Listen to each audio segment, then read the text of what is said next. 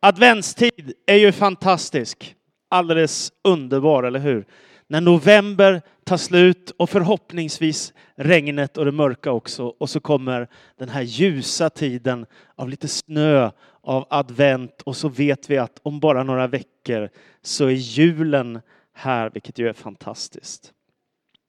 Låt mig ta dig med till Jerusalem.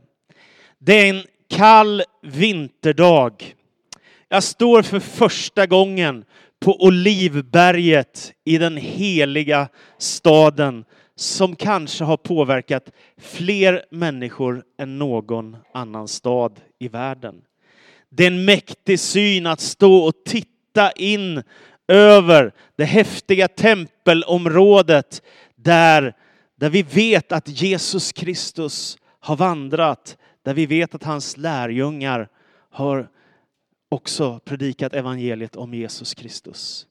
Jerusalem är en stad som man vet är åtminstone 6000 år gammal. Så långt tillbaka i historien kan man blicka. Det är fantastiskt. 4000 före Kristus. Gamla stan i Jerusalem är ungefär en kvadratkilometer. Det är ingen stor yta och ändå har den här platsen påverkat kanske fler människor än någon annan stad. Här finns sådana här häftiga ställen som Tempelberget, där det stora templet stod. Där finns andra ställen som den heliga gravens kyrka, där finns Via Dolorosa, där finns västra muren där man samlas för att be. Och utanför finns Getsemane, och Liberget och Kindrondal. en massa häftiga ställen som man kan komma till. Och en gång, 500 år före Kristus, fanns det en profet som hette Sakarja. Och Sakarja får en syn, en vision ifrån Gud där han ser in i framtiden vad Gud ska göra i denna stad, Jerusalem, hur han ska uppenbara sig för sitt folk. Och så ser han denna syn och efter denna dag, när den väl händer, så kan världen aldrig mer bli sig lik. Och vi läser ifrån Sakarja 9 och 9. Så här står det, profeten Sakarjas ord.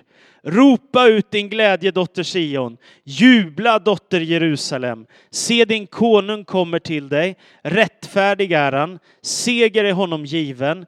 I ringhet kommer han, ridande på en åsna, på en ung åsnehingst. Jag ska förinta alla stridsvagnar i Efraim, alla hästar i Jerusalem. Krigets vapen ska förintas och han ska förkunna fred för folken och hans välde ska nå från hav till hav, från floden till världens ände. Det är här som allting startar på allvar. När Jesus från Nasaret rider in i Jerusalem på en åsna så kan världen aldrig mer bli sig lik. Därför att profeten Sakarja har förutsagt att en dag ska Messias komma. Den som Gud har lovat ska komma i historien för att uppenbara vem Gud är och hans vilja med världen. Och så en dag så händer detta. Jesus sätter sig på en åsna. Han rider ifrån Olivberget ner i ett semane och in i Jerusalem. Och folken förstår vad som händer. Och därför så börjar man skära kvistar ifrån träden och man lägger ut mantlar på vägen. Och så börjar folket ropa Hosianna, Davids son, välsignade han som kommer i Herrens namn. Varför ropar man detta?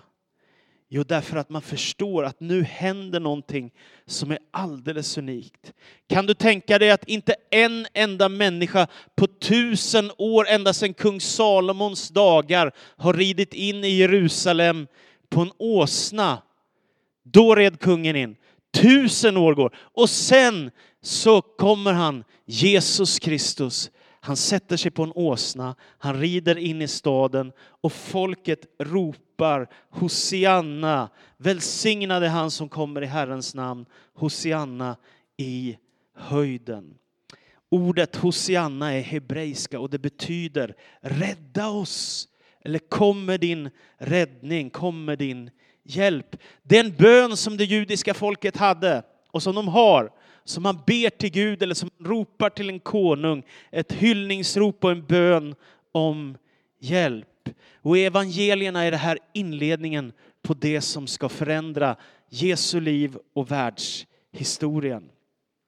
Jesus kommer och han uppfyller den här profetian bokstavligen genom det han gör i ett triumferande intåg som berör tusentals människor som är samlade till högtid i Jerusalem. Den sanne konungen dyker upp och nu är tiden inne för Messias att träda fram i världen och visa vem han är.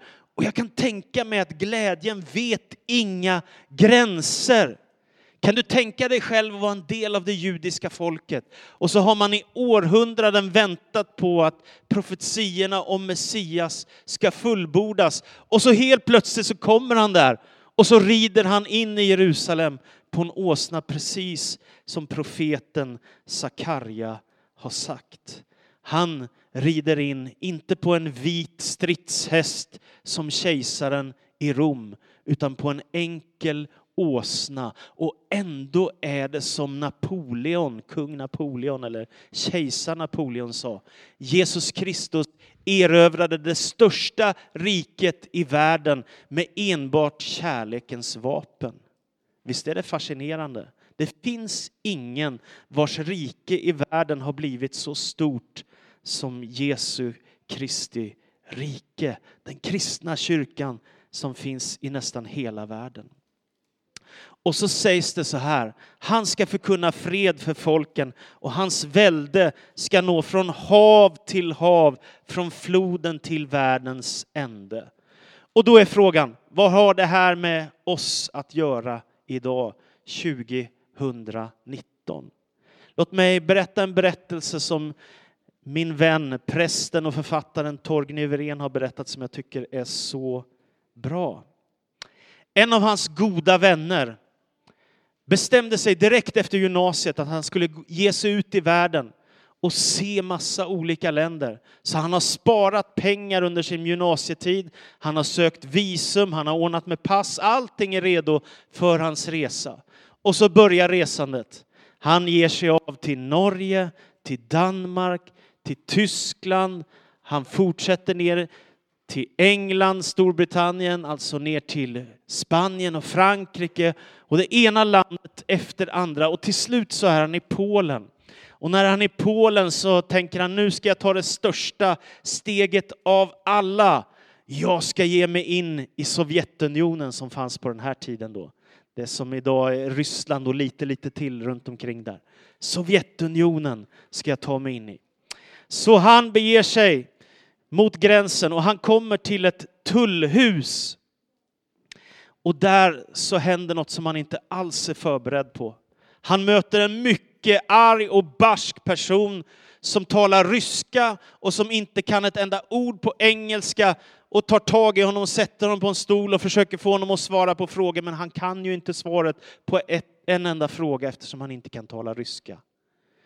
Eftersom han inte kan svara så tar de honom till ett annat rum och så kommer en annan officer med ännu mer utmärkelse på sina kläder och ställer massa frågor på ryska till honom. Och eftersom han inte kan ett enda ord så kan han inte svara och han vet inte vad han ska säga. Och han börjar bli lite orolig. Och den här personen tar ifrån honom hans pass, hans visum och hans pengar och så tar han honom ett rum till in ännu längre i huset och där är en sån här cell med galler. Och så trycks han in där och så stänger de igen dörren och så låser de för han. Där sitter han nu och har ingen aning om vad som ska hända. Och nu börjar de oroliga tankarna komma. Han tänker, vad ska de göra med mig nu? Han vet att det finns, att det finns arbetsläger i Sibirien. Han vet att det här kan blir riktigt, riktigt illa för honom. Han vet att de kan göra vad de vill med honom om de bara bestämmer sig för det. Så han börjar bli orolig. Han börjar drabbas av ångest. Svetten börjar lacka i pannan och han vet inte vad han ska tänka om det, vad som ska hända med honom. Han är jätterädd. Men så mitt i allt detta, när han sitter med sina oroliga tankar, inlåst i en cell, utan pass, utan visum, inte en människa vet var han är någonstans, så börjar han tänka en tanke. Men jag är ju svensk medborgare. Jag har ju föräldrar och syskon, det finns myndigheter som kommer bry sig om mig och kommer börja leta efter mig om jag försvinner. Därför så kan jag ju faktiskt våga lita på att det finns någon som bryr sig om mig, någon som har en tanke om mig, någon som vill mig väl och kommer att söka efter mig. Han lugnar ner sig, stillar ner sig och friden kommer till hans hjärta. Så går det några timmar och sen så blir han frisläppt och så får han ge sig in i Sovjetunionen och han är med om sitt livs häftigaste resa. En lång resa genom hela detta väldiga rike och när han är färdig med det så vänder han tillbaka till Sverige med massa nya häftiga erfarenheter i livet. Då tänker jag att det är precis detta som evangeliet handlar om. Man kan hamna i många olika situationer som är väldigt svåra som människa. När oro och ångest och förtvivlan drabbar en. När beskedet om sjukdom kommer, eller när äktenskapet krisar, eller när barnen inte gör som man har tänkt sig och man börjar få riktig oro för hur det ska gå med dem i framtiden. Eller när livets prövningar bara är för mycket och ångesten drar in som en stormvind i ens liv och man inte vet vad man ska författa för beslut. Då kan man tänka en tanke. Det finns ett namn. Det finns någon som kan rädda mig. Jesus Kristus, om du tar nästa bild. Hans namn ska ge folken hopp. Och för mig till slut så har det här varit så oerhört starkt sista tiden. Att jag behöver inte tänka att jag är ensam, att mitt liv bara är mina egna händer, utan det finns ett namn som kan rädda. Hosianna, du som är i höjden, välsignad är du, Jesus Kristus, Messias, den levande Gudens son. Han kan frälsa dig. Han kan hjälpa dig. Han kan höra dina böner. Han kan ge dig frid i din själ och han kan välsigna dig. Han som en gång red in i Jerusalem. Han sitter på tronen i evigheternas evighet och han har all makt i himlen och på jorden och han älskar dig och bryr sig om dig. Därför kan du i advents och jultid få frid i din själ. Hans namn ska ge folken hopp. Du är inte ensam.